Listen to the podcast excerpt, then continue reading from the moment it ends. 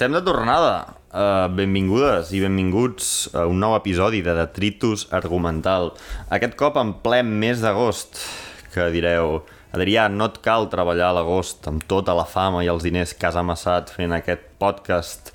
I jo us admetré que això és força cert, però el que també és cert és que avui, 19 d'agost, és una data molt assenyalada en el calendari de tot bon fan del Frank Ocean, o com a mi m'agrada anomenar-nos, franquistes. Doncs sí, resulta que avui és Sant Francesc, que bàsicament eh, rememora l'aniversari de la publicació d'Endless, el segon àlbum d'estudi del Frank. I avui fa ni més ni menys que 5 anys que sortia aquesta joia de disc i que, com alguns sabreu, seria acompanyat per la publicació de Blonde just el dia següent.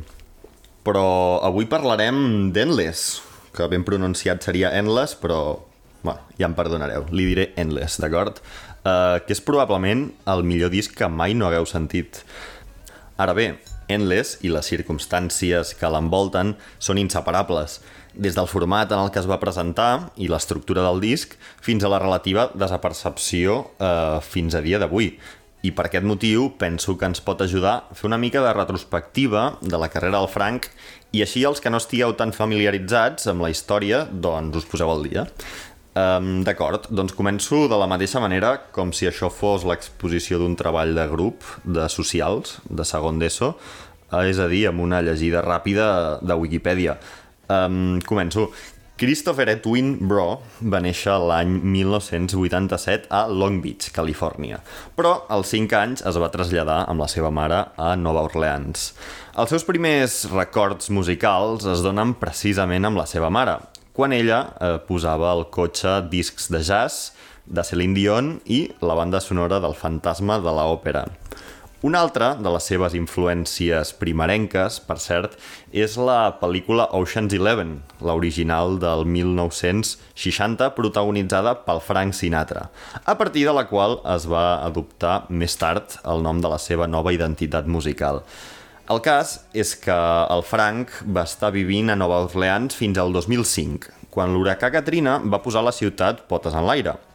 El Frank, eh, que en aquella època ja tenia un petit estudi on gravava demos, va veure com les inundacions es carregaven tot el que tenia, la casa inclosa.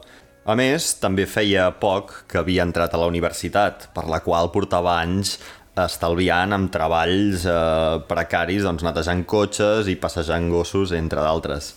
El cas és que, després del panorama que va deixar l'huracà, el Frank, amb tan sols 18 anys, va decidir marxar a Los Angeles per buscar una carrera en la música que, que era el seu somni.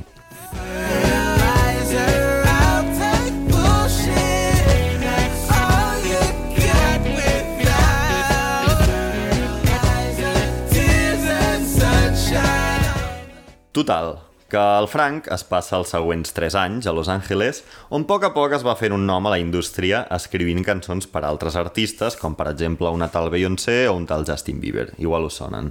D'aquesta època, de ghostwriting, hi ha una cançó que va escriure per Brandy, que m'encanta, Turn the lamp on, let me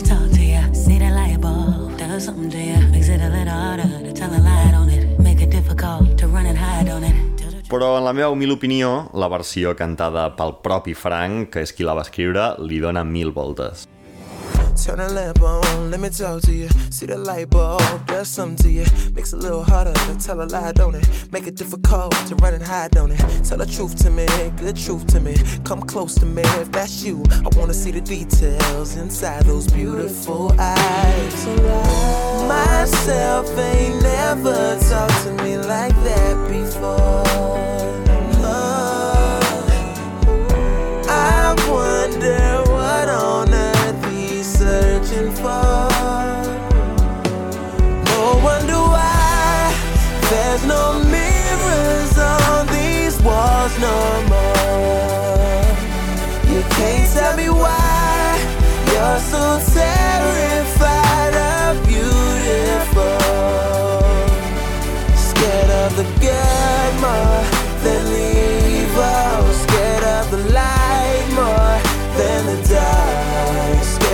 the truth so much more than the lie. Yeah, I'm scared for it. I'm scared of it.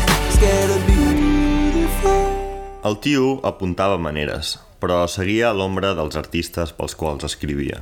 I com ell mateix ha dit més tard, no es conformava en ser una figura anònima. No li compensava aquest rol amb haver deixat la seva vida enrere a Nova Orleans. Així que el 2009 el Frank va firmar un contracte amb Def Jam, la discogràfica on, entre altres artistes, hi havia el Kanye, però quin era el problema? Doncs que Def Jam l'havia firmat però no el valorava realment i no el tenia com un artista prioritari. Així que el Frank es va començar a fastiguejar pel tracte que li donava el seu segell. Com a acte de protesta, després, a l'any eh, 2011, dos anys després de que el signessin, el Frank va decidir penjar una mixtape de descàrrega gratuïta al seu Tumblr, en comptes de publicar un àlbum sota una distribució comercial a través de la discogràfica. La mixtape, sota el nom de Nostàlgia Ultra, estava carregada de samples, moltes d'elles impossibles d'alliberar per l'ús comercial, des dels Eagles fins a Coldplay, passant per Radiohead o MGMT.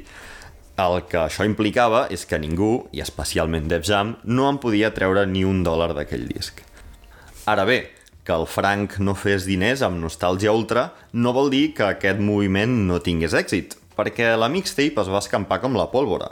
En poques setmanes, tothom a la indústria estava intrigat per aquell xaval de Nova Orleans i de sobte estava més sol·licitat que el Ramon García la nit de cap d'any. La Beyoncé penjava fotos a l'estudi amb el Frank, xulejant de companyia, i no va trigar gaire en rebre una trucada del Jay-Z i del Kanye per col·laborar en dues cançons a l'àlbum que estaven preparant conjuntament, Watch the Throne. Def Jam, anticipant una possible fuga davant de l'interès que despertava el Frank i el seu descontent amb el segell, va córrer a oferir-li un millor tracte. L'amic Frank, conscient de la seva posició de poder i encara una mica ressentit amb Def Jam, va exigir un milió de dòlars i absoluta llibertat creativa per fer el seu proper disc. I Def Jam va acatar sense registre. Melody is easy. Um, because melody is is always bad when you overthink it. Always, every time. Yeah. Lyrics, um, you know, people say overthinking or whatever. L- lyrics should be thought about depending on the style of storytelling you're employing at that time. You know, if you're rewriting up in Hotel California, you should probably think about it a couple times. You know, you should probably you should probably consider the narrative. That's right. You tell him, Tyler. You tell him, Tyler. That's right. See? He didn't think about that at all. Simultàniament a tot això, el Frank havia conegut el Tyler, the Creator, i va entrar a formar part d'Odd Future. Tot i que probablement les visions artístiques amb aquell grup no coincidien massa, el Frank va trobar un grup de suport molt important per a una persona com ell, que recordem estava sol i lluny de casa. Tant és així que el Tyler va ser una de les poques persones a les quals el Frank va confessar la seva orientació sexual abans de fer-ho públic eh, un temps més tard a través d'una carta oberta, ara ja icònica i part de la història de la música.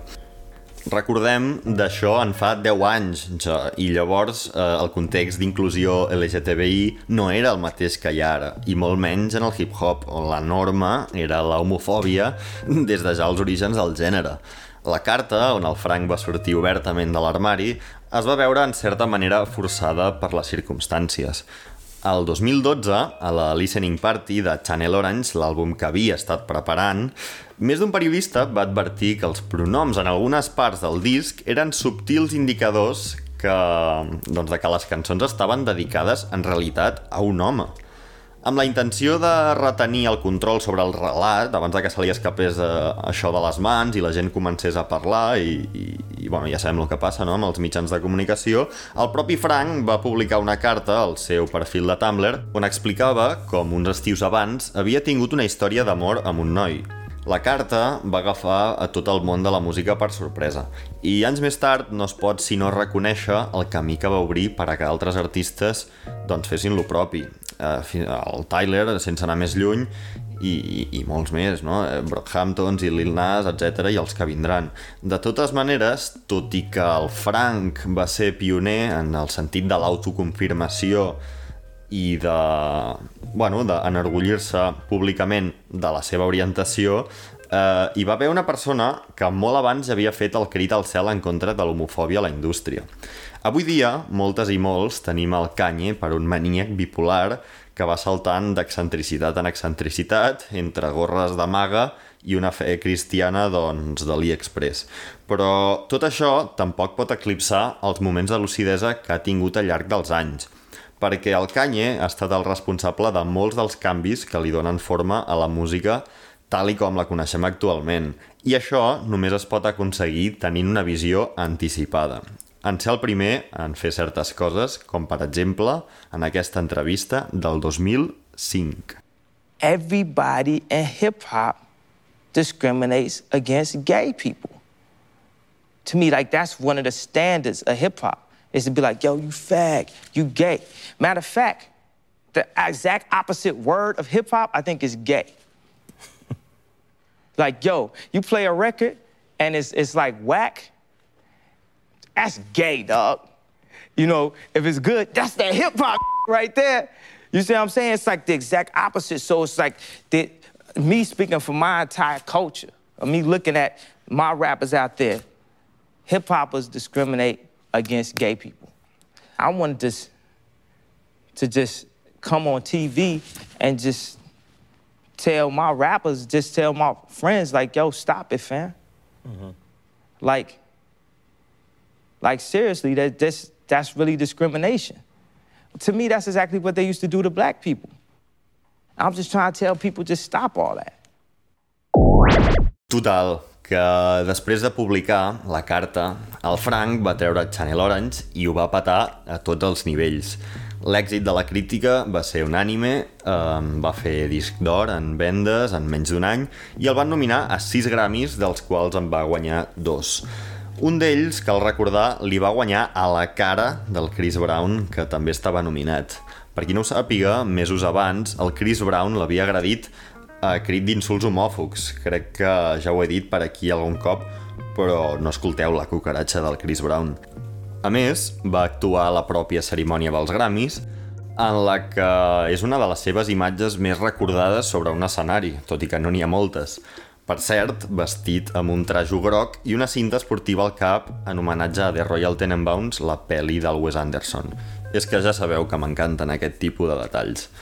Um, en quant a la música, que és el principal i de vegades me n'oblido, Channel Orange es va convertir en un clàssic instantani.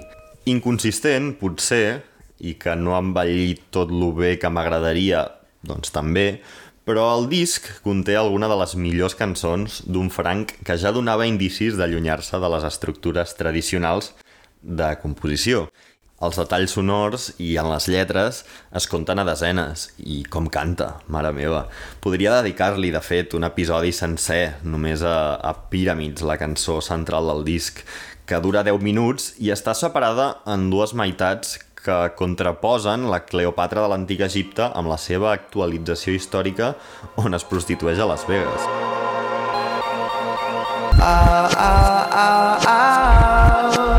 Set the cheetahs on the loose. Ow, ow,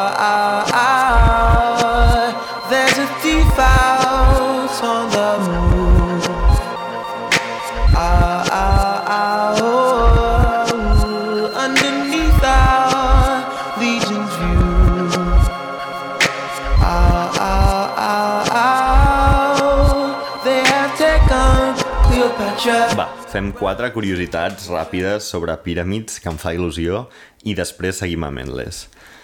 Com he dit, eh, Pyramids contraposa la Cleopatra egípcia en la primera meitat de la cançó amb una prostituta del segle XXI a la segona. Doncs resulta que per immergir-nos en l'antic Egipte, on transcorre la primera meitat, el Frank representa sònicament aquest flashback invertint la percussió, com per viatjar al passat, vaja. I l'incorpora en el sentit natural quan torna al present en la segona meitat de la cançó. Una altra filigrana maquíssima la trobem en el beat de la transició entre aquestes dues parts.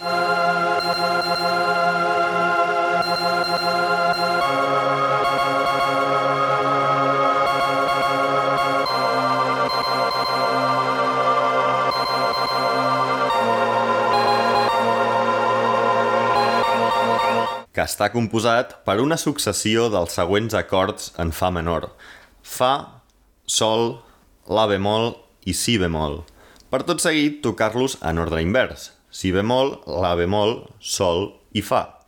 Si escrivim aquestes notes en un pentagrama, podrem observar com dibuixen una escala ascendent que després baixa de manera simètrica, formant així una piràmide.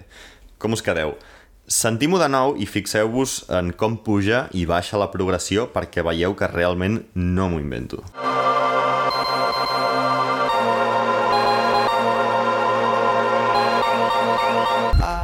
A part d'aquest genial exemple de figuralisme sonor, el Frank també feia gala de la seva perspicàcia a la portada del single, on un home estirat al llit i acompanyat de la que presumim que és Cleopatra, es tapa el cos amb el llençol, però el seu cos, sota el llençol, forma tres protuberàncies corresponent als peus i al seu penis erecte, en el que és un símil brillant, trobo, de les tres grans piràmides d'Egipte. A més, aquesta imatge està dibuixada en l'estil del Simpson, una nova referència al contingut de la cançó, on Samsó, el personatge de l'Antic Testament de la Bíblia, fa una aparició notable. Samsó, Samson, en anglès, Simpson, ok? I així podríem estar una bona estona eh, regirant els detalls. De totes formes, avui no és l'aniversari de Channel Orange, sinó que és el d'Endless. Però aquestes curiositats em serveixen per donar-vos una mostra d'en quina mena de detalls ens fixarem avui. I amb això dit, comencem.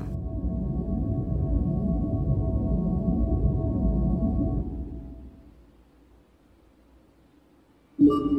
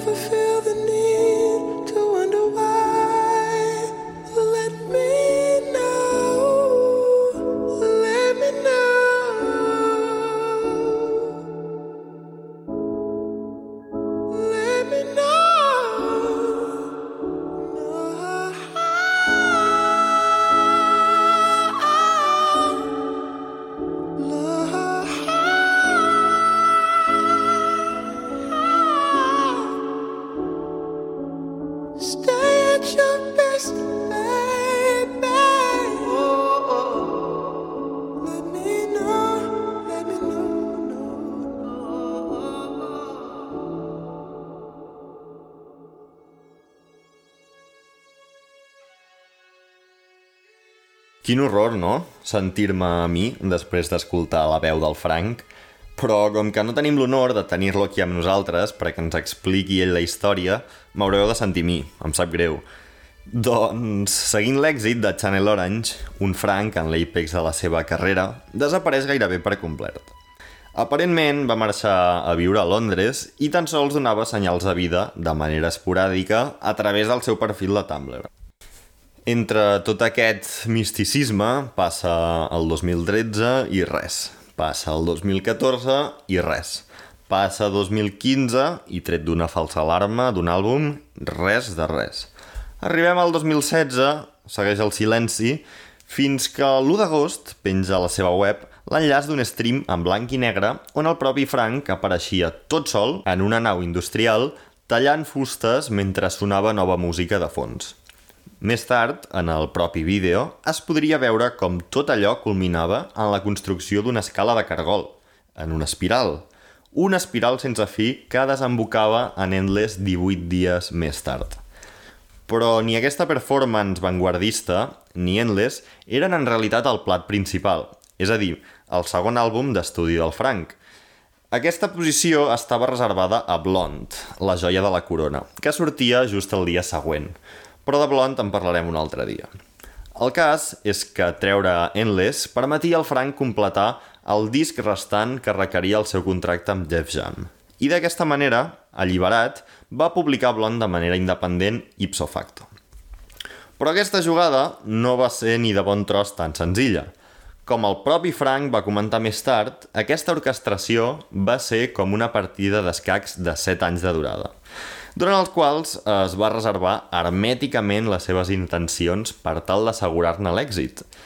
També va renovar tot el seu equip legal i va tornar els 2 milions d'abans que li havia donat Def Jam per fer l'àlbum. I així, d'aquesta manera, aconseguir els drets sobre els seus propis màsters. Resumint, explico tot això, a part de perquè ho trobo molt interessant i perquè ja forma part de la història de la música, perquè aquestes circumstàncies van modelar com es va percebre Endless quan va sortir. Tant la seva utilitat expiatòria com el seu coqueteig experimental van fer que quedés inevitablement eclipsat per l'èxit de Blonde.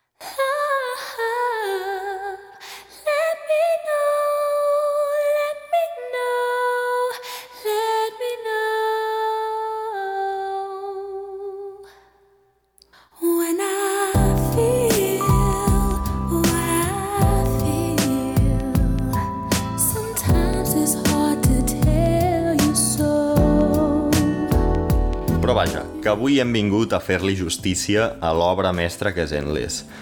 Això que sentíem abans és la cançó que obre el disc, que és At Your Best, You Are Love. I jo crec que la mínima reacció acceptable és caure's de cul i plorar desesperadament davant d'una cosa tan preciosa. Més d'un i d'una sabreu que At Your Best, Your Love és en realitat una versió de la cançó del mateix nom cantada per Alilla, que al mateix temps és una versió dels Isley Brothers.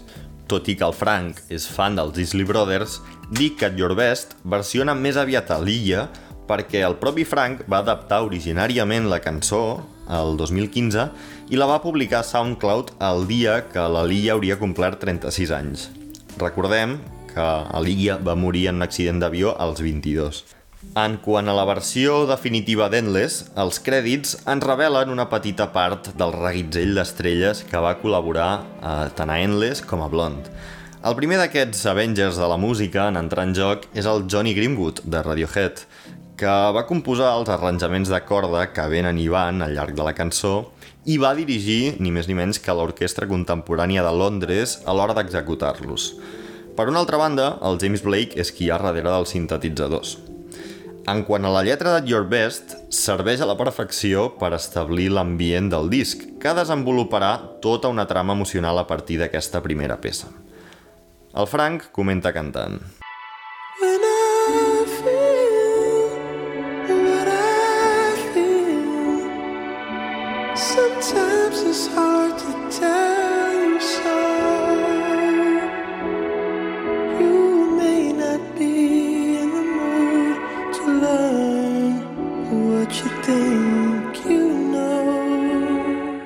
Quan sento el que sento, de vegades és complicat dir-t'ho. Pots no estar en l'estat d'ànim per aprendre el que et creus que ja saps.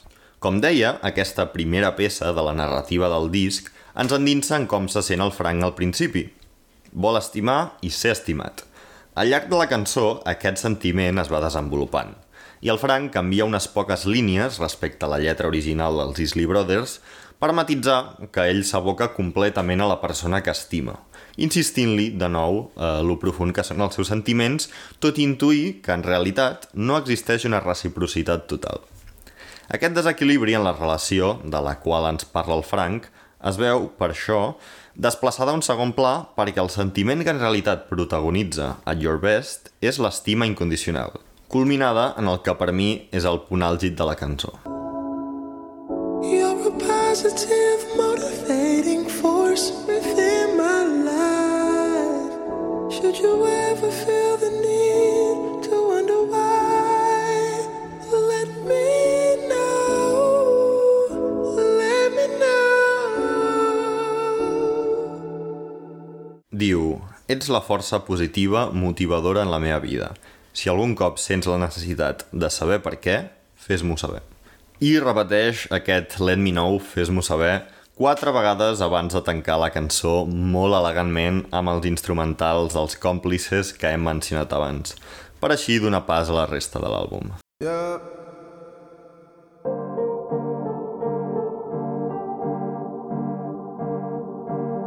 Duplex in New Orleans East. I was right down everything. I would tell nobody. Some things I didn't even tell me. Sleeping on my back, my body will wake up after my me. My fresh out the penitentiary. My four cousins stay with me.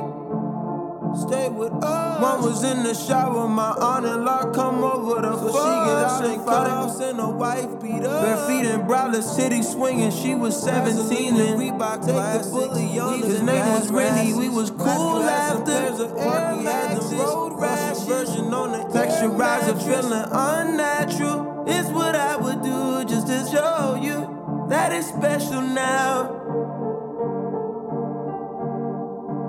What could I do to know you better than I do now? What can I do to love you more than I do now? What can I do to know you better? What can I do to show my love? What can I do to know you better?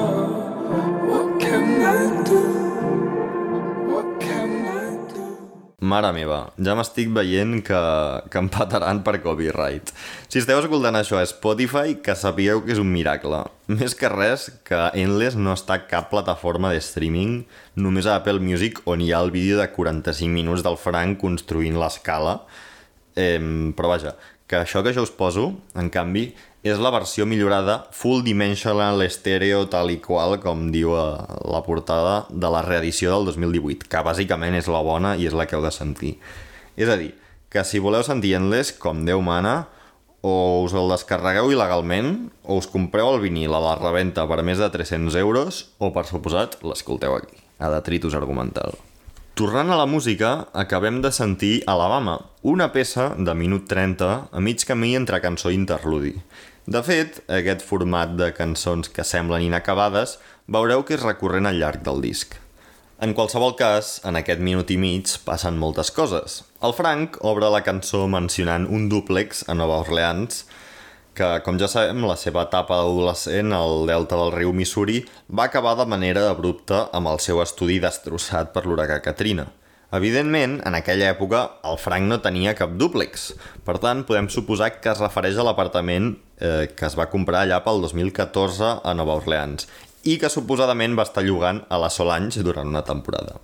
Eh, aquesta línia li serveix per contrastar els seus orígens humils amb el seu estat de benestar actual i introdueix la resta del vers, que està composat per més frases similars que fan referència a moments molt concrets de la seva infància i adolescència, i que sense context no podem extreure'n més informació. Però el sentit de totes aquestes pinzellades de nostàlgia aparentment inconexa es revela a l'outro, on el Frank canta el següent amb la companyia de Sanfa i de Jasmine Sullivan. What can I do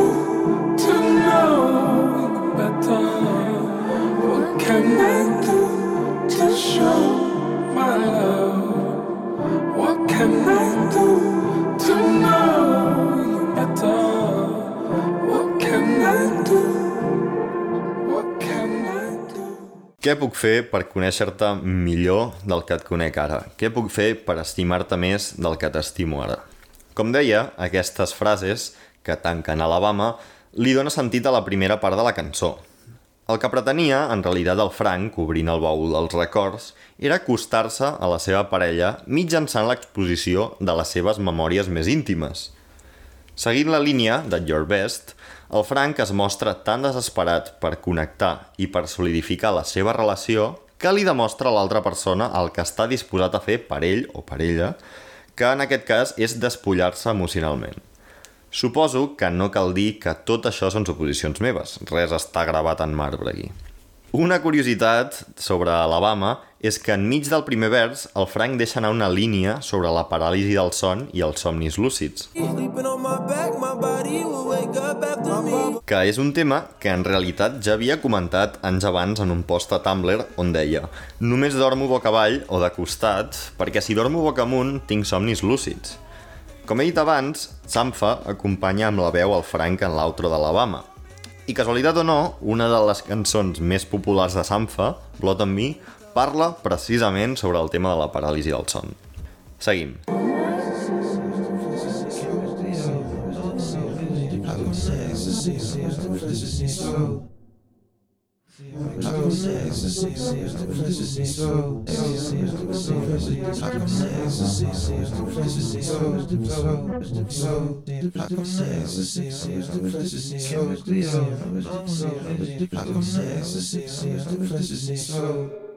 Abans de passar a una cançó amb cara i ulls, Endless ens deixa anar aquest interludi de 30 segons que es diu Mine.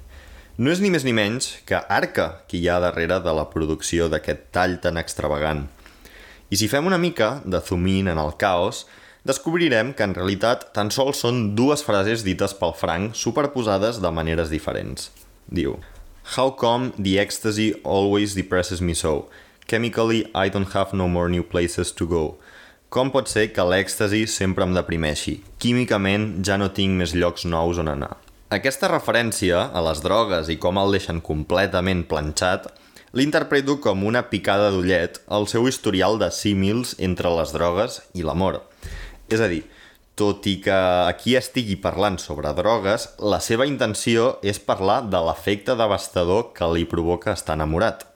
Com dic, aquesta idea l'ha explorat anteriorment en diverses ocasions eh, en cançons com, per exemple, Nova Kane, Pilot, Pilot Jones o Crack Rock. Com veieu, fins i tot del més insospitat dels interludis se n'hi pot treure petroli. Ara sí, anem a escoltar la següent cançó, que ja és més normaleta.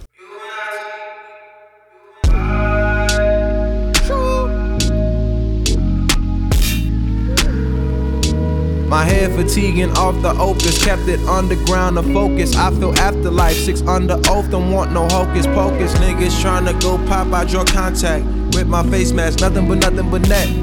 Is you Roger or Novak? You still are no match, you get no rematch. Boy, you missed your moment. Perusing the moment, I'm on my lonely, bursting tears on his shoulder, and it's so cold cause he's sculpture. Where's the shaman? Ayahuasca, Aya, WhatsApped him for atonement. I never ever trust the pre roll.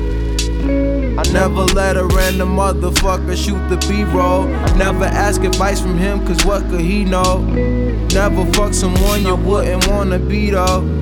It forever seemed like time's up when we swerved in a Honda. Now forever seems like no time. I mean, time flies when you have some. Both nuts weigh two pounds, all on your bitch like futons. My crew save your crew like niggas came through with the Groupons, cooking with the grease now. Fries and Cholula. Are you slowing down or you holding down? Whoever held you down. Whoever propped you up, built the structures with you, switched the buckets with you. Who was fucking with you? Really brothers when you needed that. When you see him now, it's a force black. Hail Mary on the fourth down. Hands to the sky. Yeah, piece of the holy, piece of the people that think they know me. Piece of Moschino, cover your ass, your rectum showing. Piece of the boys that we used to be though. Ghetto boy, North Face too cold on these hoes. Peace out to Willie D. Bushwick, Billy, and Face. Piece of steak grilling in Jesus' name, speaking His grace. Hands to the sky.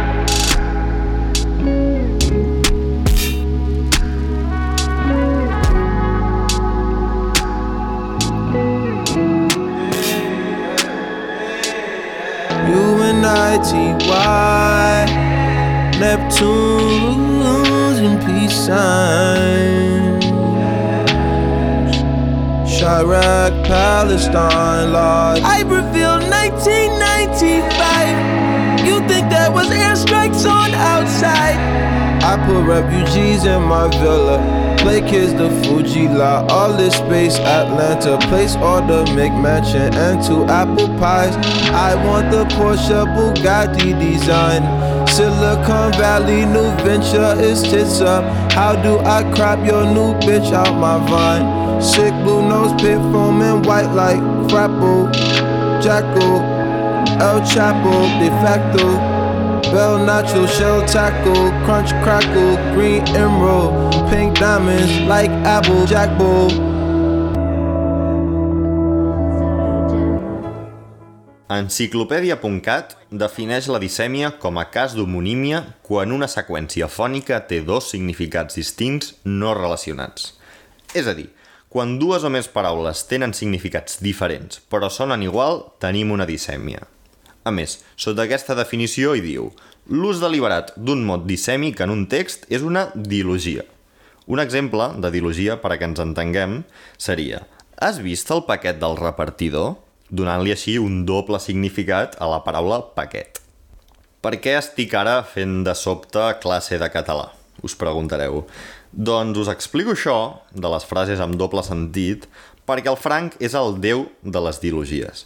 Aquesta cançó que acabem de sentir es diu Unity, i tant si és la primera vegada que la sentiu com si és la número 100 o 1000 més igual, tant si adoreu el Frank com jo o si sou uns incrèduls de la seva faceta de lletrista, us puc assegurar que no us quedareu igual amb la mina de dilogies que és Unity, i que ara desengranarem.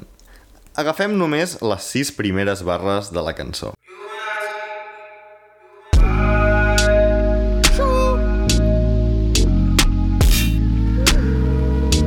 My head fatiguing off the opus, kept it underground to focus. I feel afterlife, six under oath, don't want no hocus pocus. Niggas tryna go pop, I draw contact with my face mask, nothing but nothing but net.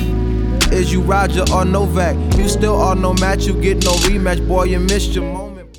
Abans de començar a rapejar, amb un flow impecable, per cert, el Frank diu això de UNIT, UNI, que no és una simple entradilla amb bona musicalitat, sinó que és una deconstrucció genial de la paraula unity.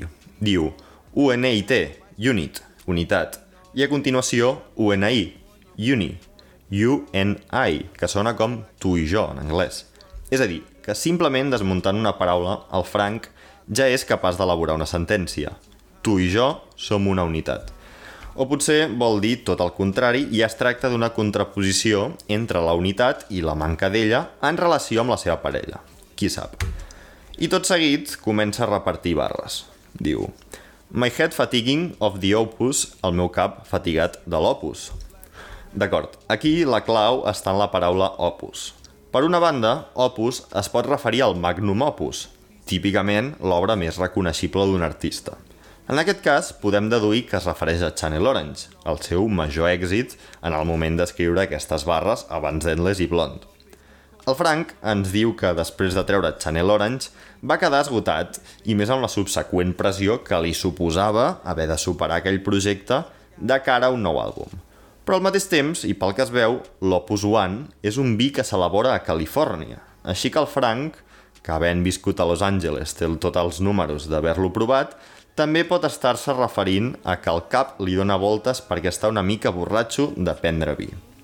La segona línia diu Kept it underground to focus, eh, ho vaig guardar sota terra per centrar-me. Aquí es pot referir a l'habitual perfil baix que guarda en general i com fugir de les càmeres li ajuda a centrar-se més a l'hora de fer la seva feina. Per una altra banda, això de guardar-ho sota terra és una referència més que evident al secretisme que va mantenir eh, doncs, preparant durant anys la jugada d'alliberar-se del seu contracte discogràfic a través de publicar Endless amb Def Jam per tot seguit publicar Blonde de manera independent. Per tant, quan el Frank va escriure aquesta frase, se la va jugar perquè parlava d'un moviment que encara no sabia al 100% si resultaria exitós. Tercera barra. I feel afterlife, six under oath, don't want no hocus pocus. Sento el més enllà, sis sota jurament, no vull cap abracadabra. Aquí el Frank introdueix el tema de la mort. Diu que sent el més enllà, i aquest Six Under Oath, fa referència a ser enterrat sis peus sota terra, per acabar advertint que no vol trucs en el més enllà. Però en referència a la línia anterior, també és possible que segueixi parlant del seu fins llavors pla secret. I Feel Afterlife podria referir-se al moment d'alliberament després d'executar la seva jugada i amb el que tant deuria somiar. Aquest Six Under Oath interpreto que poden ser o bé sis persones a les quals havia explicat el seu pla i a les quals havia fet prometre hermetisme, o bé els sis zeros de la xifra que esperava treure d'aquest moviment, ja que recordem que va haver de tornar 2 milions a la discogràfica abans de dur-lo a terme i que només amb la primera setmana de vendes de Blond es diu que el franc va fer un milió de dòlars. D'aquesta manera, té tot el sentit que acabi dient que no vol trucs. Espera que li surti tot tal i com ho té planejat. Què més? Quarta línia.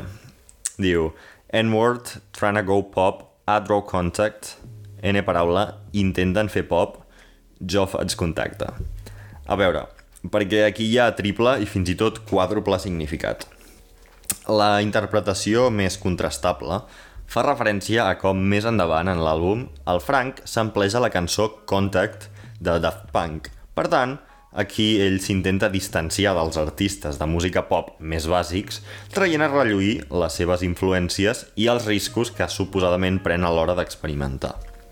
Aquest contrast que el Frank vol marcar entre la seva música i els altres artistes més comercials del gènere té més un sentit addicional si mirem la frase amb l'incident eh, que va tenir amb el Chris Brown en ment. Um, el Chris Brown és un artista pop en el pitjor dels sentits. Sacrifica la concepció artística per apel·lar al major número de persones. I quan el Frank diu I draw contact, es refereix, òbviament, a quan el Chris Brown el va agredir. Però, a part d'aquests dos significats, n'hi ha un de tercer que el dicta el bàsquet. Draw contact és una acció habitualment generada pel jugador que té la pilota i que consisteix a fer contacte intencionadament amb el defensor per així provocar una falta, és a dir, treure avantatge d'una situació. D'aquesta manera, lliga aquesta línia amb les anteriors en les que parla de l'avantatge que li va generar la jugada amb Def Jam. I al mateix temps lliga la següent frase on segueix incorporant argot basquetbolístic. Rip my face mask, nothing but nothing but net.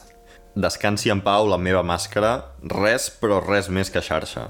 Doncs, seguint amb el bàsquet, que és d'on veníem, resulta evident l'ús d'aquest nothing but nothing but net, que s'usa quan la pilota entra a la cistella d'una manera tan neta que ni toca l'aro. Que aquí funciona com un símil de l'èxit impecable de la seva maniobra amb Def Jam.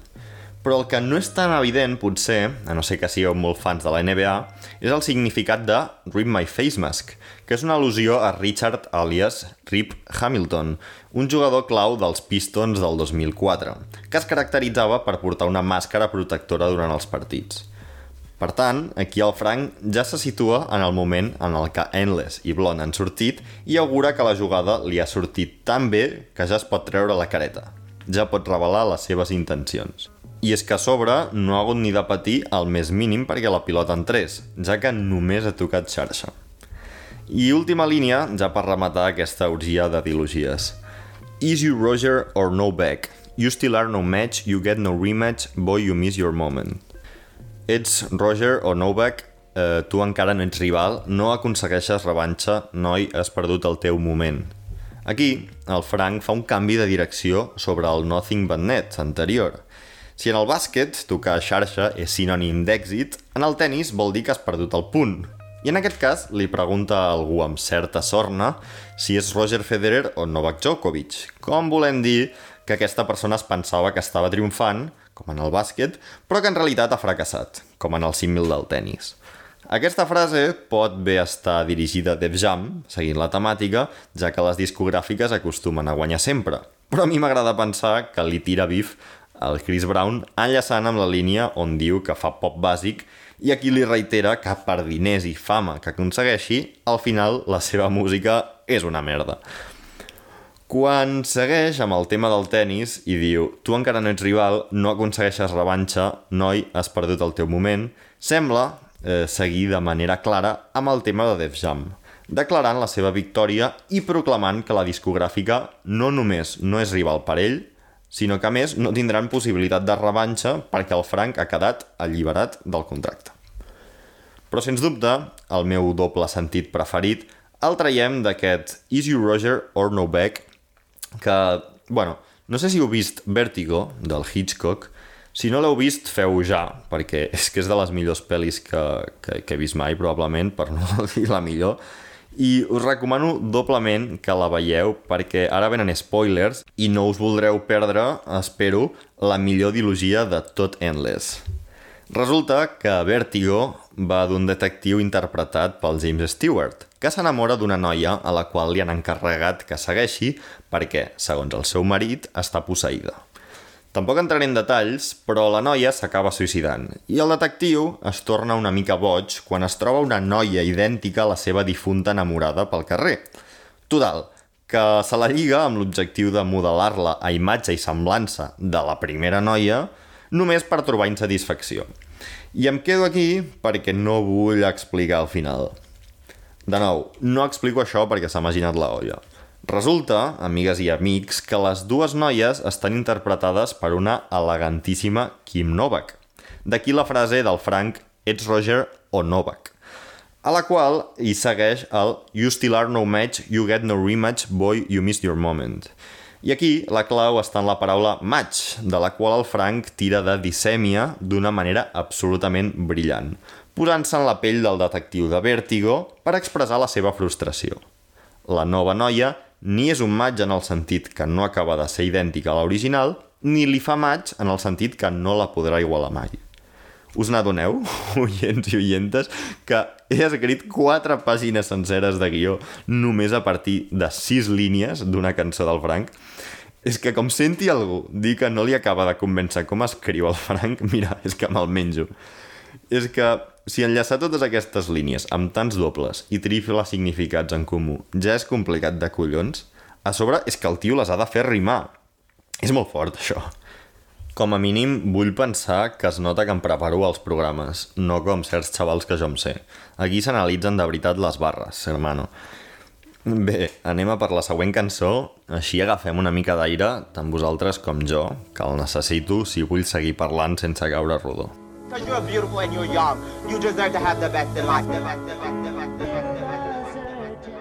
He came up in Dallas, had no hazel in his eyes, had them sailors on his thighs. When these ladies show him, kept it faded on the sides. We was seeing someone, we was dating on the side. He was seeing double.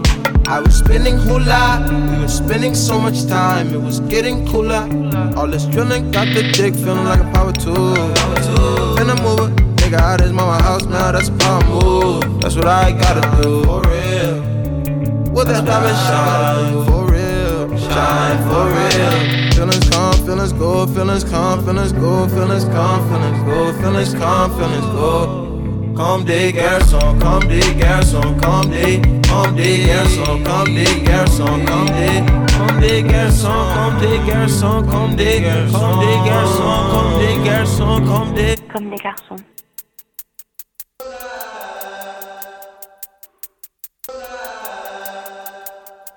Ara és on he de pronunciar francès, que és on sempre faig el ridícul.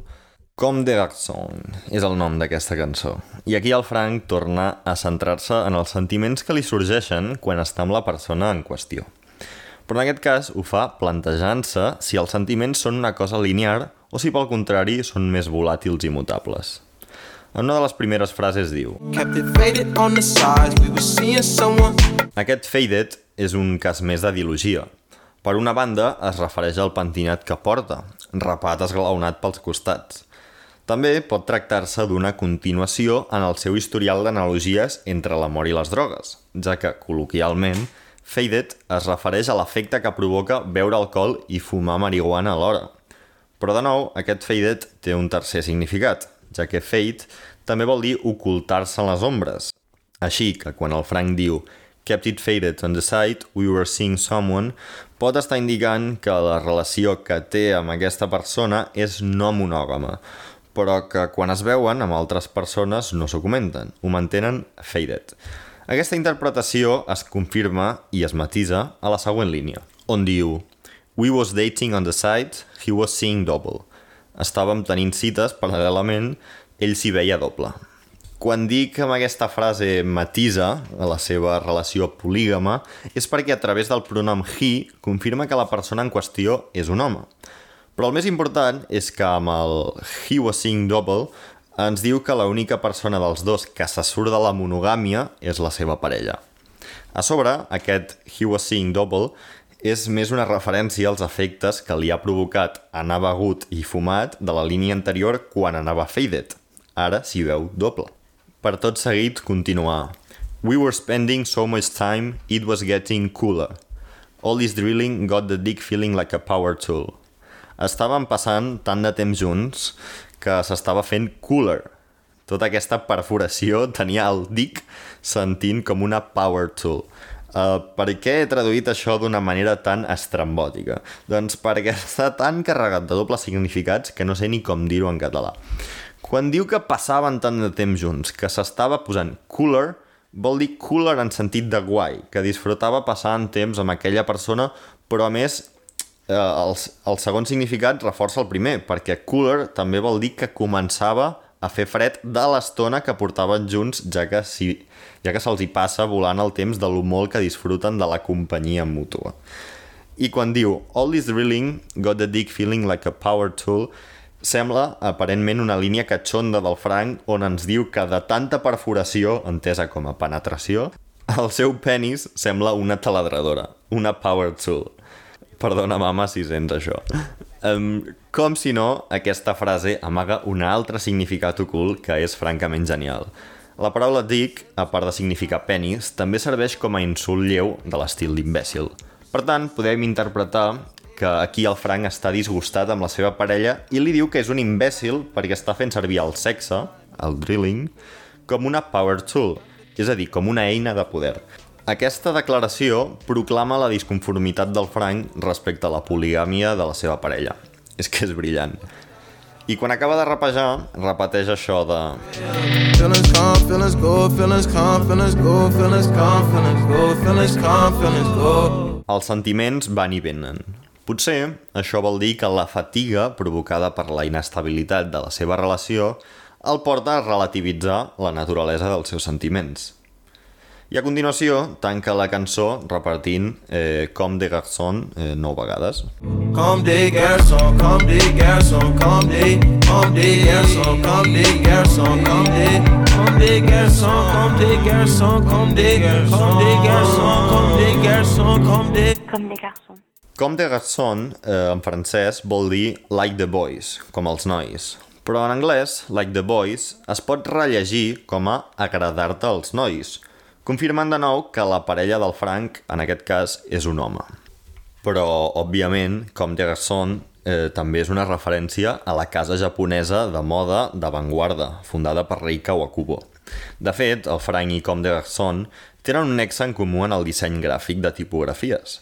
Resulta que, de cara a la publicació de Blond, el Frank va preparar una revista, de la qual en parlarem més endavant, que es diu Boys Don't Cry. Doncs bé, la tipografia, ja icònica del títol de Boys Don't Cry, està directament inspirada en l'obra de Tsuguya Inoue, un dissenyador japonès responsable del disseny gràfic de Com de Garçon durant anys. Però concretament, la tipografia de Boys Don't Cry la va dissenyar Inoue originàriament pel grup també japonès Yellow Magic Orchestra, del qual el Frank també n'és fan. Així que, què menys que escoltar una mica de Yellow Magic. makes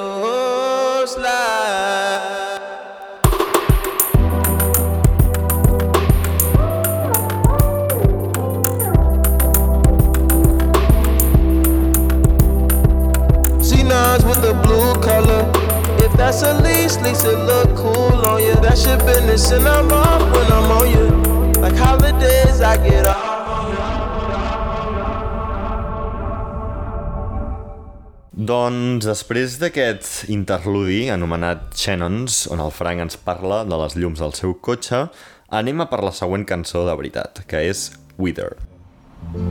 Oh, where the trees burned down. Place where the fields went down in flames. We could put a hole in the ground. Go seas and dance for rain. It takes a mind to worry, conscience to feel ashamed. But there's no place to hide out here. These skies are filled with flames. And both our hands are filthy, pointing up at the moon.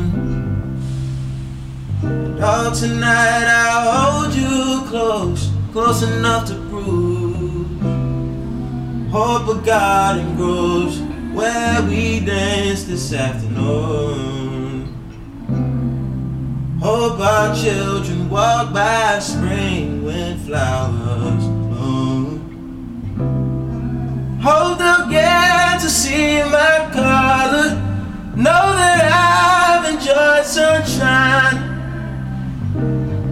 Pray they'll get to see me, me with a see me with a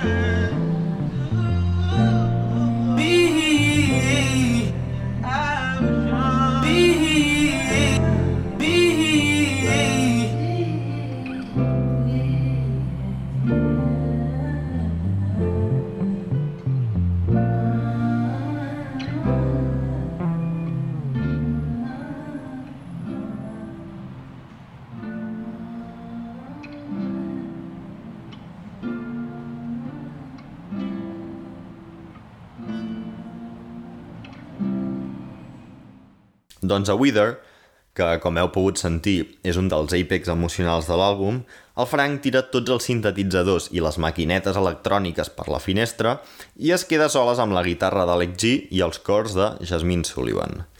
Podem interpretar, sense sacrificar massa neurones, que al desfer-se dels artificis sonors, el Frank vol que parem atenció al que ens està dient. De nou, aquí el títol de la cançó juga amb els dobles significats. Wither, escrit tot junt, vol dir marxir-se, marxitar-se, vaja. Però si partim en dos, la paraula ens queda with her, és a dir, amb ella. Aquí els dos significats tornen a complementar-se per formar una frase. Marxir-se amb ella. Envellir amb la seva parella, que és precisament la temàtica de la cançó. He de dir que Wither m'intriga especialment perquè dissona respecte a les cançons que la precedeixen. Sònicament és molt més simple.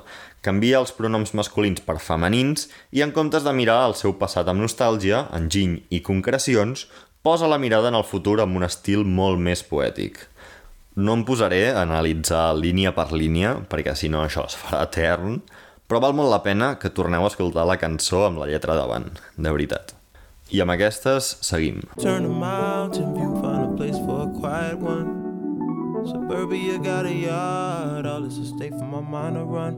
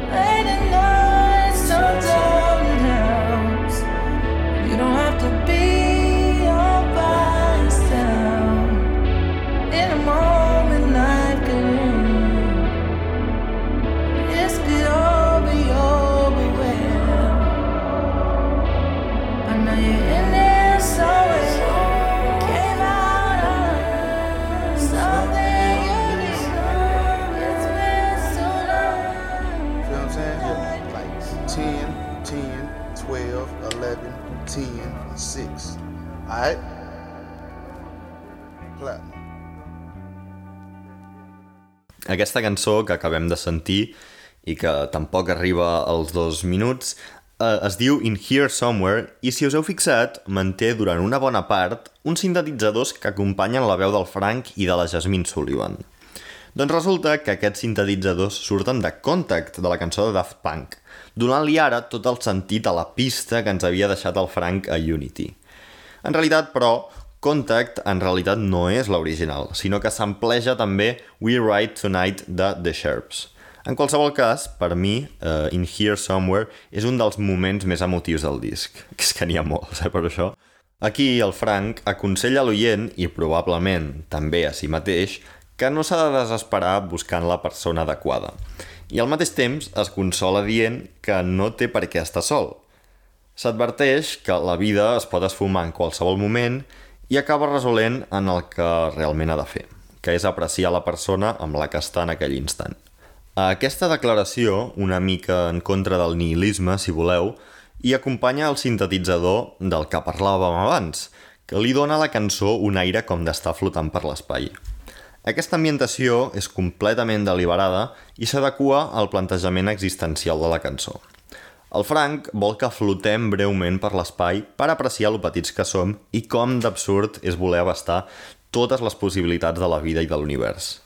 Ens ve a dir que apreciem el punt on ens trobem enmig de tot aquest caos, és a dir, in here somewhere. There's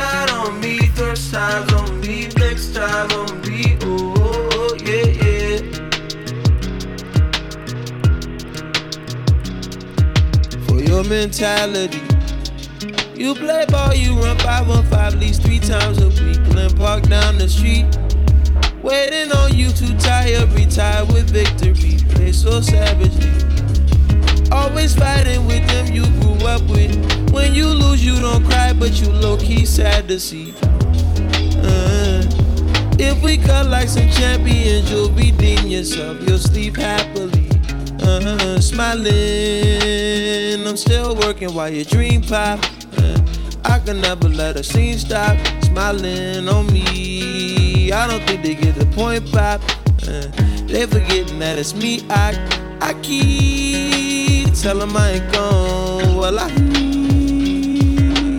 I'm just all day running numbers. How the fuck you think I live? Too many heads waiting for my downfall. They're like, something's gotta give. Boys in the building, give me updates like they know the weather. If you ain't in the streets, you can't see the sky. I'm out here, I can see the sky. And it's paradise. On the yeah. Això que hem sentit ara és, és Light on Me, i aquí el Frank recupera el rap i una estructura, entre cometes, més convencional. Però segueix igualment desenvolupant la narrativa del disc i avança una casella en els altibaixos de la seva relació. Comença rapejant. for your mentality. You play ball, you run 515 at least three times a week. Glen Park down the street. Per la teva mentalitat, jugues a bàsquet 5 contra 5 almenys 3 cops per setmana, diu el Frank. Enllaçant amb els símils sobre bàsquet que feia Unity, aquí fa èmfasi en l'esport i l'emparella de manera ja estable amb els costums polígams de la seva parella. Potser és que aquesta persona juga a bàsquet realment. El cas és que la seva parella està jugant a jocs, literal i figuradament. Com ja ens ha fet saber abans, el Frank està cansat d'aquestes anades i vingudes, però a Slide on Me el seu punt de vista evoluciona. Al llarg de la cançó, en comptes de tractar el tema amb amargura i ressentiment, s'ho pren més a la lleugera, i fins i tot sembla que disfruti de la situació. Però no és fins les dues últimes frases quan descobrim el seu canvi d'actitud. This is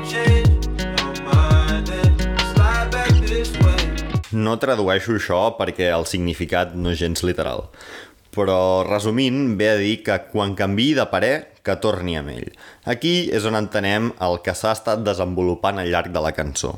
Tot i que el Frank preferiria que la seva parella no anés saltant de flor en flor, està tan segur de si mateix i que la relació és en el fons forta que sap que aquesta persona acabarà tornant a ell per molts jocs que jugui.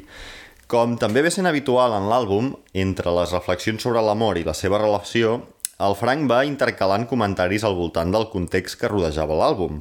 En cançons anteriors havia donat pistes del seu pla d'alliberar-se del contracte de Def Jam, però Slide on Me, en canvi, respon a la seva etiqueta d'artista reclusiu. Escolteu. That it's me. I I keep tell them I ain't gone. Well, I I'm just all day running numbers. How the fuck you think I live? Too many heads waiting for my downfall. They're like something's gotta give. Diu, s'obliden que sóc jo, H, aquí. Dieu-los que no he marxat, Wallahi. Simplement estic tot el dia fent números. Com collons us penseu que visc? Massa caps esperant la meva caiguda. Estan com, en algun moment ha de donar-se de si. Com he dit, en aquestes línies, el Frank adreça els rumors, les crítiques i les bromes sobre com, durant els seus 4 anys d'absència abans de treure Endless, es deia que mai tornaria a fer música. Una mica com quan va passar eh, una cosa similar amb la Lauryn Hill o l'Andre 3000. Si us hi heu fixat, aquí el Frank inclou paraules en àrab com Ak, Akhi o Wallahi. Segurament a aquestes altures us podeu imaginar que si fa això és per efectivament jugar els dobles i triples significats. En aquesta direcció, amb la paraula Akhi, eh, és la que aporta el toc més estimulant al joc de paraules. En àrab significa germà meu, que té tot el sentit dins de la frase Akhi, tell them that I ain't gone, Wallahi. Wallahi eh, significant, en aquest cas, eh, bueno, i en general, una promesa a Déu també en àrab. Però és que si Wallahi és una promesa, Akhi també vol dir jurar en Swahili, o sigui que també té tot el sentit dins de la frase si la revisiteu.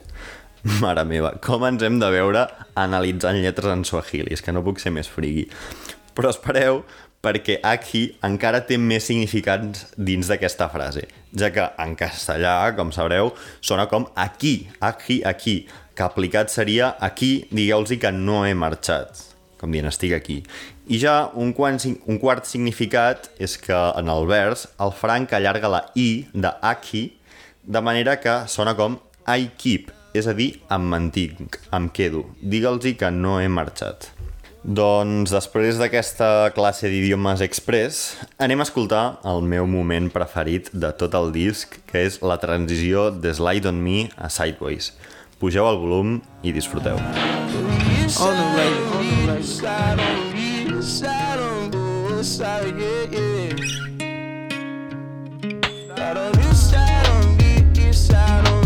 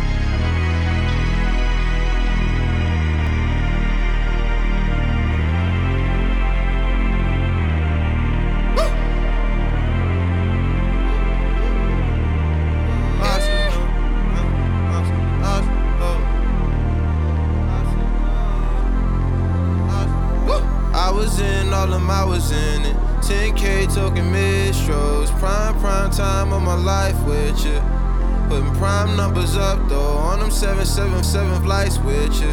Take a shower with it, gotta cleanse it. Keep the safety off in it. And we finna have a minute. Out of wedlock, I forgive it and forget it.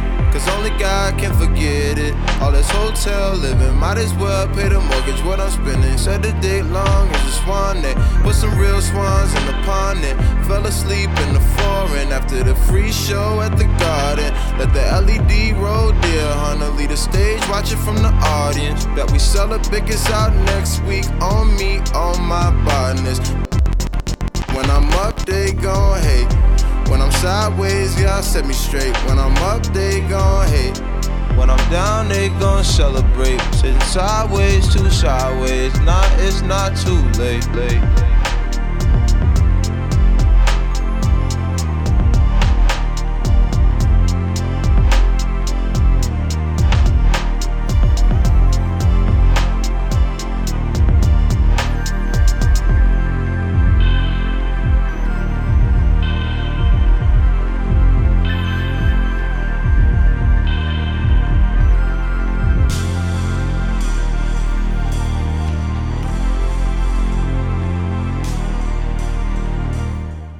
No sé vosaltres, però jo he sentit poques produccions més netes que això. El responsable principal és el Begin, del qual ja n'havia parlat en altres episodis aquí, i que de fet produeix moltes de les cançons del disc i de Blonde també. Uh, com que estareu una mica ja fins al monyo de que parli tant de les lletres, a Sideways anem a fixar-nos més en el so. El 2014, el David Fincher va treure la pel·lícula Gone Girl, no sé si recordareu, protagonitzada per una Rosamund Pike eh, estel·lar i per un Ben Affleck, que, que bé, fa de Ben Affleck. Però la peli és un drama psicològic eh, de collons i si no l'heu vist també us la recomano molt. El cas és que el David Fincher li va encarregar la banda sonora a Atticus Ross i el Trent Reznor, que és el cantant i cervell darrere de Nine Inch Nails. Tots dos ja havien treballat amb el Fincher a The Social Network i van repetir l'any passat a Mank, que aquesta sí que no us la recomano. Total, que el Frank i el Begin van tirar de l'ambient de la banda sonora de Gone Girl per a la intro de Sideways, concretament de la cançó Appearances, que, que s'amplegen ben, ben bé al principi. Escolteu això. Appearances...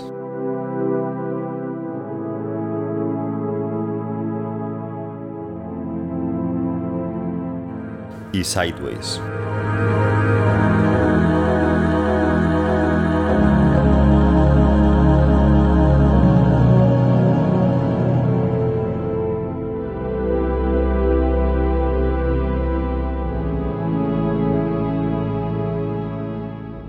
Un altre cable que tiraré per aquí, tot i que potser m'estic colant una mica, és que el tren Reznor i Nine Inch Nails van ser una de les principals inspiracions de cara al so de tot Endless en general. Recordem que el disc més famós, o com a mínim el més aclamat, de Nine Inch Nails, té per títol The Downward Spiral, o sigui, l'espiral descendent. I què pot ser més una espiral que promocionar el teu nou àlbum, que es diu Endless, mitjançant un vídeo que repeteix en bucle mentre construeixes una escala de cargol. Per no mencionar que, que Nine Inch Nails és pràcticament la definició del gènere de música industrial i què pot haver-hi més industrial que tallar fustes i fer manualitats en una nau industrial com fa el Frank a l'Stream d'Endless? Doncs l'ho dit.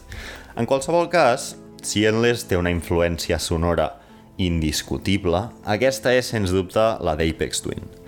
És ben sabut que el Frank és molt fan de la música del Richard David James, que, per exemple, el menciona la cançó Provider, a més va penjar una foto a Instagram del seu arbre de Nadal amb adorns eh, que eren bàsicament la cara del Richard D. James, o stories portant una màscara amb el logo d'Apex Twin pel carrer per no ser reconegut. A Sideways, però, tira d'influència sonora d'Apex Twin en la primera de tres ocasions al llarg de l'àlbum. Escolteu les similaritats en el glitch de Sideways comparades amb la cançó Circlon Este T6A, que Apex Twin incluía el último álbum Sairo.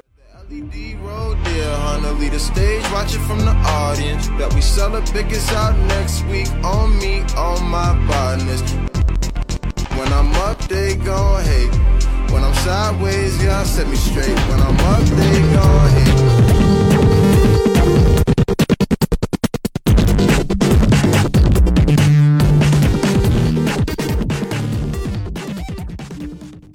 Precisament, a Boys Don't Cry, a la revista de més de 300 pàgines que va preparar el Frank de cara a la publicació de Blonde, cita 45 de les seves cançons preferides, d'artistes tan diversos com Prince, Death Grips o Steve Rage. I per suposat, inclou a Apex Twin amb la cançó Aizastana, que vull que escolteu ni que sigui per meditar una estoneta.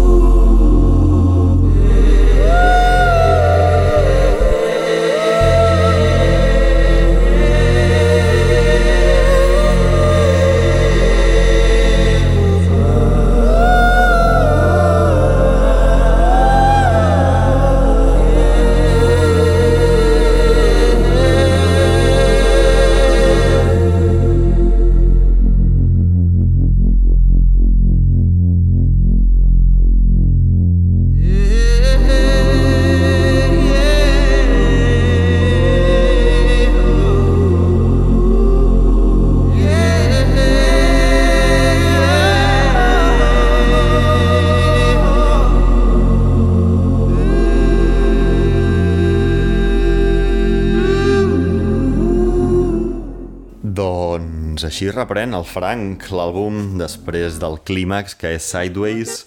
Aquest interludi es diu Florida i a part de que l'harmonia recorda els Beach Boys, a mi com a mínim, transforma bàsicament l'ambient electrònic de la nau industrial en una església, en un santuari. És que fixeu-vos quanta diversitat de sons en un sol disc, quants canvis de ritme ben executats a més, és que és fantàstic. Però la calma celestial de Florida, us aviso, no durarà gaire, perquè el Frank ens prepara del, pel desenllaç de l'àlbum, on els dubtes, la desconfiança i el ressentiment passen a un primer pla, començant amb Impietas Death Wish.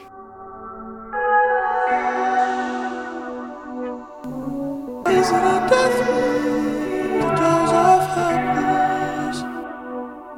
Leave myself at the mercy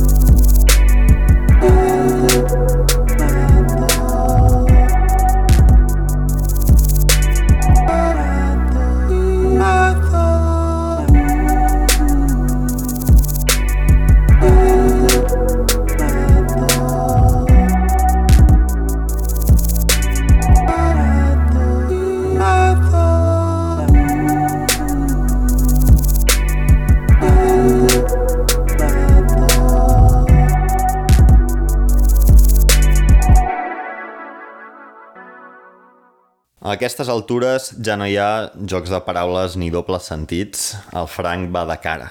Està cansat d'estar literalment, diu, a la mercè del seu amant, a qui necessita ja confiar, necessita dormir bé d'una santa vegada. Aquest sentiment de, de tristesa tan directa l'expandeix d'una manera més complexa però absolutament preciosa a la següent cançó, a Rushes. Wanna be somebody I found.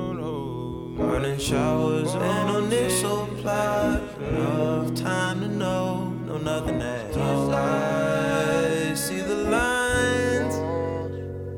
There's two lines. You'll live a life anew. Tell me what you need from me gas money. And I did what I needed to, yeah, be. Cut your teeth on sheets in Paris.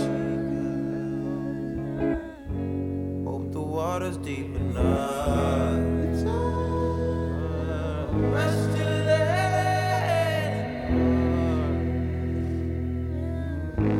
We've been here before. Last time national pastime. I ain't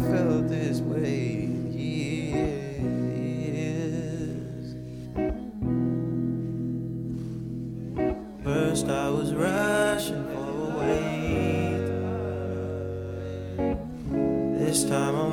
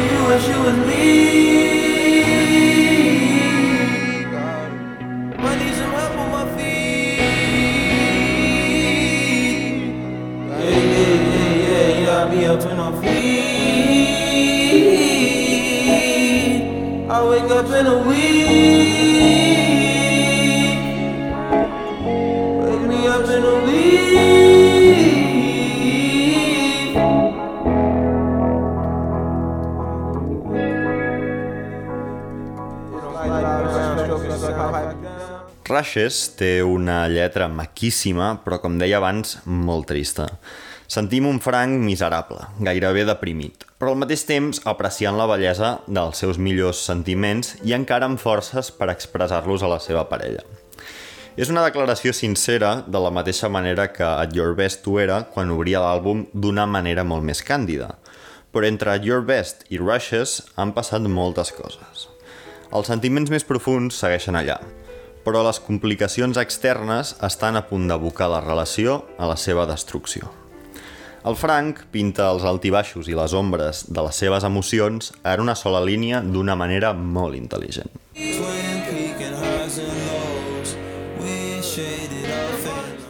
En clara referència a Twin Peaks i potser no tan clara a High and Low del Kurosawa. Twin Peaks guarda el doble significat de les muntanyes bessones que dibuixen constants pujades i baixades, i al mateix temps connecta amb les ombres de les quals parla més tard en la frase, ja que Twin Peaks, sent una sèrie de misteri i crim, fins i tot de terror si voleu, no va falta de moments foscos. Similarment, funciona la referència a High and Low, els altibaixos per una banda i per una altra el gènere de cinema noir al qual, al qual pertany i que enllaça amb les ombres que ara governen la relació del Frank.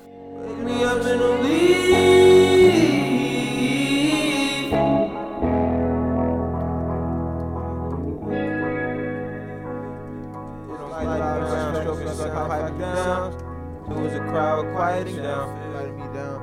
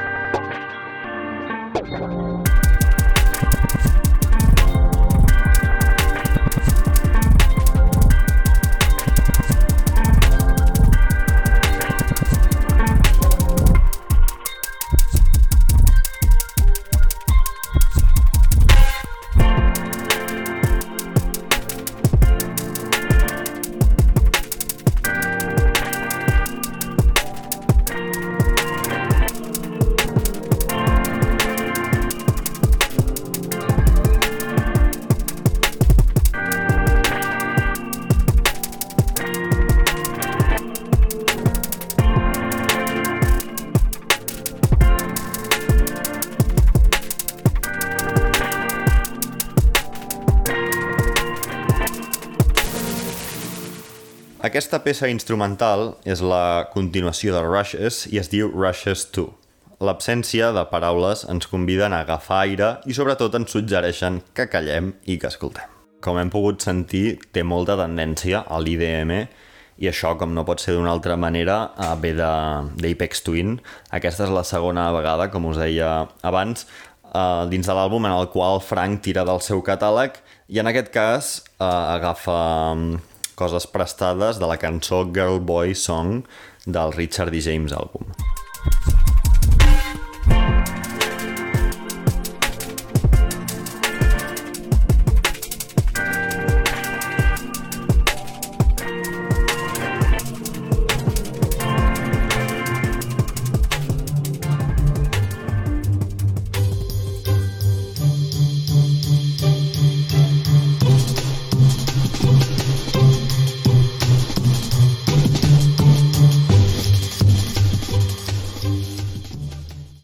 Per una altra banda, també es pot interpretar el tempo accelerat com una altra alegoria eh, del títol, ja que rush vol dir accelerar, afanyar-se. Però afanyar-se a què? O cap a qui? Eh, no ho sé, amics. No m'agobieu a preguntes, que no sóc cap expert en el Frank Ocean. Anem a per la penúltima cançó. Higgs.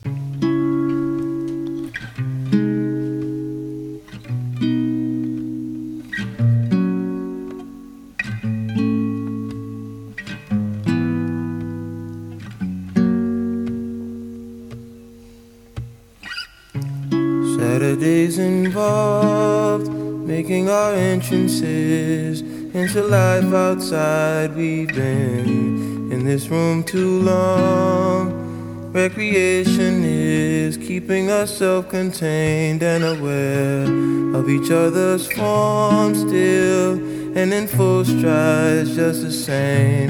Keeping us warm, walking in straight lines, talking to sleep at night, coddled and pacified.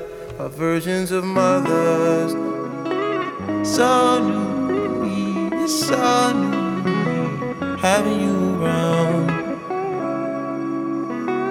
So new to me, it's so new to me, having you around. What if we decide to live by choice? All this time I knew that average was something to fall back on. After genius ends, I watch video. Only difference is flattened and we miss sparks of Latin storm. Behind wet faces, slip my pants back on and rewind it backward more. The tape stopped before I was back alone. I'll be back before the street lights on, before the daylight's gone. I was spoiled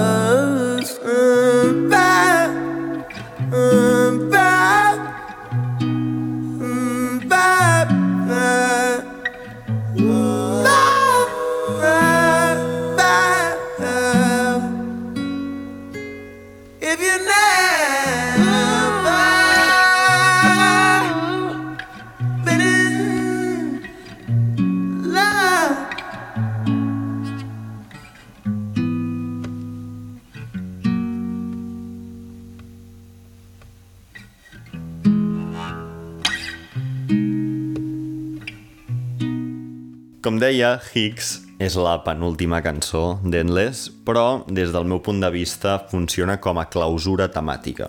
És el desenllaç del que el Frank vol narrar i el final de la relació. El nom de la cançó ve amb força seguretat del bosó de Higgs, I com s'interpreta aquesta referència? Doncs una mica com tot fins ara, tirant de metàfores. Recordem que el bosó de Higgs és una partícula elemental que bàsicament dona explicació a diverses preguntes fonamentals de la física, com per exemple per què el fotó no té massa. Amb aquesta informació a la mà, podem suposar que el Frank ha tirat el paral·lelisme amb el bosó de Higgs amb la idea de remuntar-se als orígens de la relació per trobar l'explicació de per què ha anat malament i per al mateix temps recalcar la bellesa dels millors moments i la sinceritat dels seus sentiments inicials, que ara, en certa manera, es mantindran ocults però presents de la mateixa manera que el bosó de Higgs. La lletra comença comparant la intimitat de la seva relació amb l'amor entre mare i fill. És un punt de vista que pot descol·locar de primeres, però aquí entenc que el que el Frank vol transmetre és el sentiment d'un amor incondicional i protector, però al mateix temps carregat amb dependència i la inexperiència del que podria ser el cas d'una mare primerenca. Després d'aquesta primera part més tendra, la lletra se centra en com intentar trobar consol en una relació al mateix temps que es té por de que s'esvaeixi. I en un pla bastant existencialista es planteja què passaria si realment tinguéssim poder de decisió sobre les nostres vides. Aquest és el punt més baix del Frank, que encara deprimit el desenllaç de la cançó, que conclou dient-nos i dient-se a ell mateix que si alguna vegada hem estat enamorats, que donguem mitja volta. Llavors, com que imagino que el Frank no vol que els seus fans se suïcidin del disgust, el disc no pot acabar amb aquest to tan eh, absolutament depriment. Amb aquest pretext i pel simple plaer de brindar-nos un banger d'absolut èxtasi electrònic com poc he sentit, l'amic Frank ens fa una RCB i ressuscita els oients amb Mitsubishi Sony. Loud, couldn't raise his voice cause it went gone.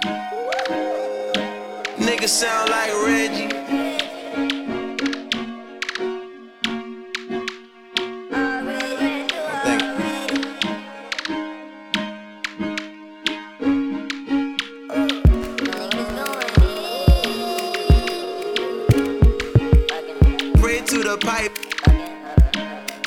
I slide deep inside, not too deep, not too shallow. I'm mindful of sight. She chock full of my swipe like a capsule, still tight with that substance you need. Start a family tonight. Big body merc, LED lights. And this all overpriced. The dollar been cheap than a bitch. Two rose and two lips. On the boxes you're in from the holes in your skin. Hit the road and get rich. Or stay home and get broke. It's your choice in the end. Yeah, they watching my fence. Like they next to my kin. Like they paid by the Pope. Got some priests by the door. First the demons before they step into my glow. Oh my, my. Get it, get it. Cateu això. Què?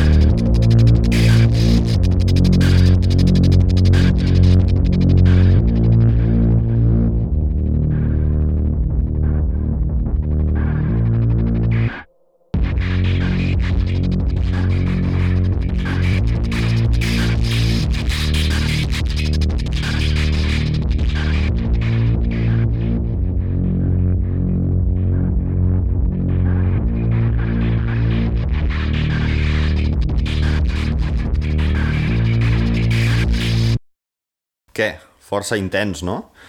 Doncs el responsable de la producció és de nou el Begin, Però en aquest cas l'acompanya en el mixing un convidat molt especial, el Mike Dean.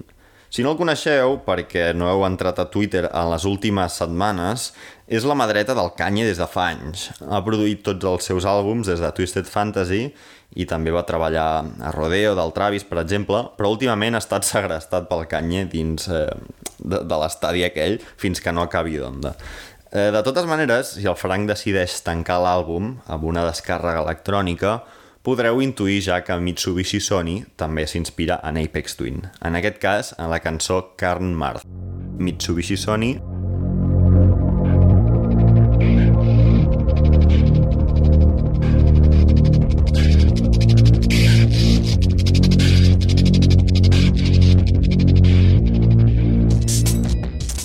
i Karl Marth.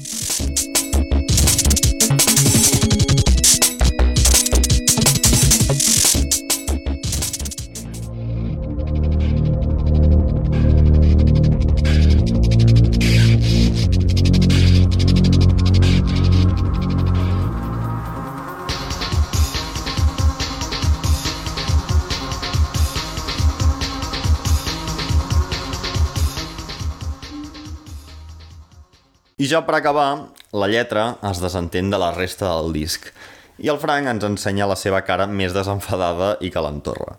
Resumint, escup una tirada de línies, evidentment carregades de jocs de paraules, on, per exemple, presumeix de dotació i explora la seva bisexualitat en termes botànics, d'acord? Sé que a aquestes altures teniu les neurones saturades de les metàfores del Frank, però prometo que aquesta és l'última del dia. És que la trobo molt bona. En ple vers, el Frank diu.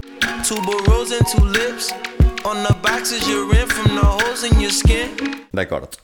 Two bros and tulips són dues flors. A partir d'aquesta línia aparentment inert de significat, el Frank confirma subtilment que li agrada la paella mar i muntanya, és a dir, que li va la carn i el peix, que és bisexual, vaja. Primer fa referència al two bros, una flor que, que entre la seva forma allargada i una línia anterior on el Frank comparava el seu penis amb un tubo, deixen clar que aquesta flor representa una titola. Sí, titola. Eh, com a curiositat, en català, el Two Bros és el nart, o sigui que no hi ha més preguntes, senyoria. Per cert, recordem que el nart és una flor blanca, que pot ser o no una pista de que l'amant del Frank és també blanc. Per una altra banda, es menciona la tulipa, en anglès tulip, que és un homòfon de two lips, és a dir, dos llavis. Entre això i que els pètals de les tulipes, sovint roses, formen una cosa que si mitja sembla, podem assegurar que aquí el Frank es refereix a la vagina. Hala, doncs amb això ja ho tindríem. Ja hem sentit Endless. Què us ha semblat? Anem a fer una mica de, de conclusions i ho tancarem aquí. A veure, en primer lloc, és inevitable comparar Endless amb el seu germà blond. Com he explicat al principi, Endless s'ha vist inevitablement perjudicat per les circumstàncies que va rodejar la seva publicació. Però cinc anys després, ara que el podem valorar amb distància, puc dir convençudíssim que pot tractar a Blond de tu a tu. I segons el dia que m'enganxeu, us diré que inclús és una mica millor. Recordo que és de Blond de qui estem parlant, en comparació, un top 10 de consens de la dècada passada. Així de bo crec que és Endless. Després, com hem estat veient, Endless és un àlbum que guanya a mesura que t'hi endinses més i més. De la mateixa manera que el futbol, i tot el contrari que el govern de Madrid, Endless et torna tot el que li dones. L'origen del seu confort està en una sensibilitat extrema, i la millor manera d'absorbir-la és a través de la identificació i de l'empatia. I aquesta empatia és molt més assequible d'assolir gràcies a la veu del Frank, ja que Endless ens regala moltes de les seves millors demostracions vocals. I és que si a sobre completa la fórmula amb un carro d'enginy i de dobles sentits intel·ligentíssims, doncs què voleu que us digui? El resultat és un disc amb un carisma irresistible. Podem suposar que el Frank és plenament conscient que el desamor ven, i ven molt. És com Netflix i la resta de plataformes de streaming a meta. Ara tots a córrer a fer sèries sobre ETA perquè saben que dona morbo i que ens les empassarem. Doncs el mateix amb el desamor a la música. No són pocs els músics que han construït carreres senceres només a partir d'aquest model.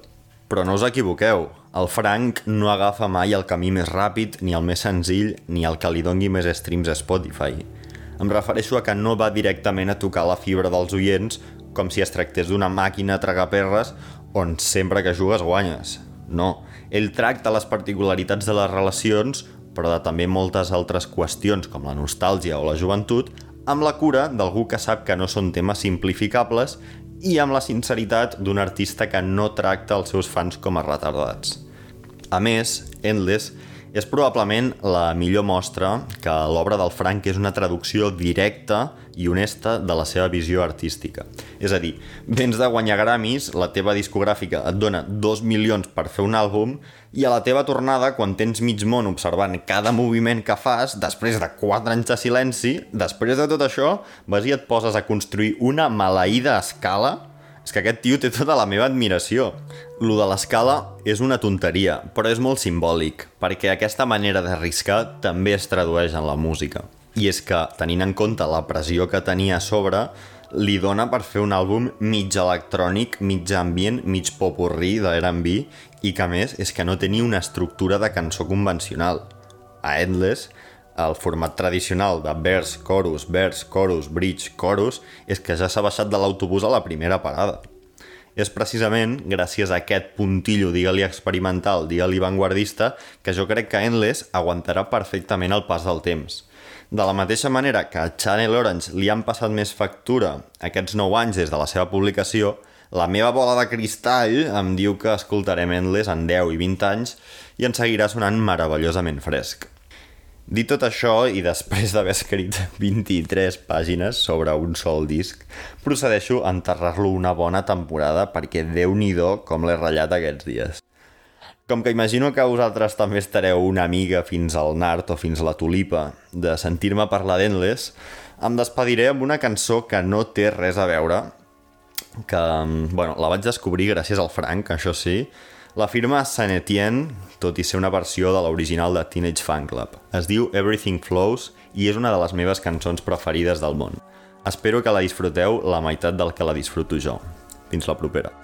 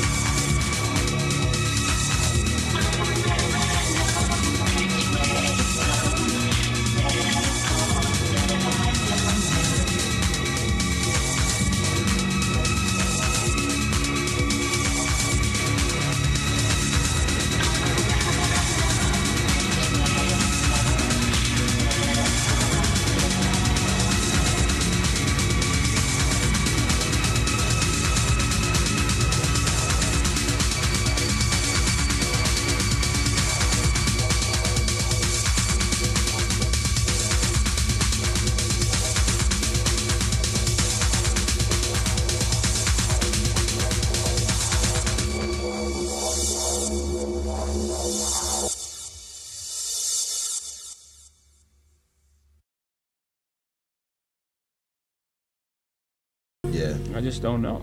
Yeah, yeah. If you take radio, for instance, it's just a pretty much an advertisement model.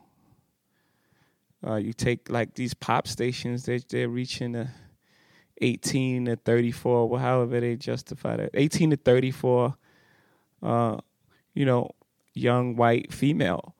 So they're playing music based on those tastes, and then they're taking those numbers and they're going to advertising agencies, and people are paying, you know, numbers based on the audience that they have.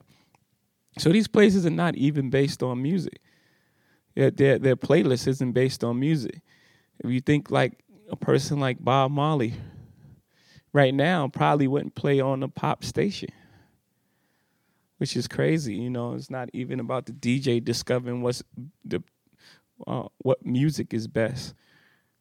You know, music is music, and the line's just been separated so much that you know we're lost at this point in time.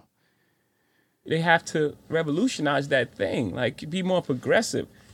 And I think with all the technology and where we are today, it's definitely a more efficient way to get music out because you know that's the whole idea behind you know uh, having a festival that played all sorts of music because no one listens to music like that. You just listen to music more than ever. Back in the days, there used to be hip hop clubs, like specific hip hop clubs.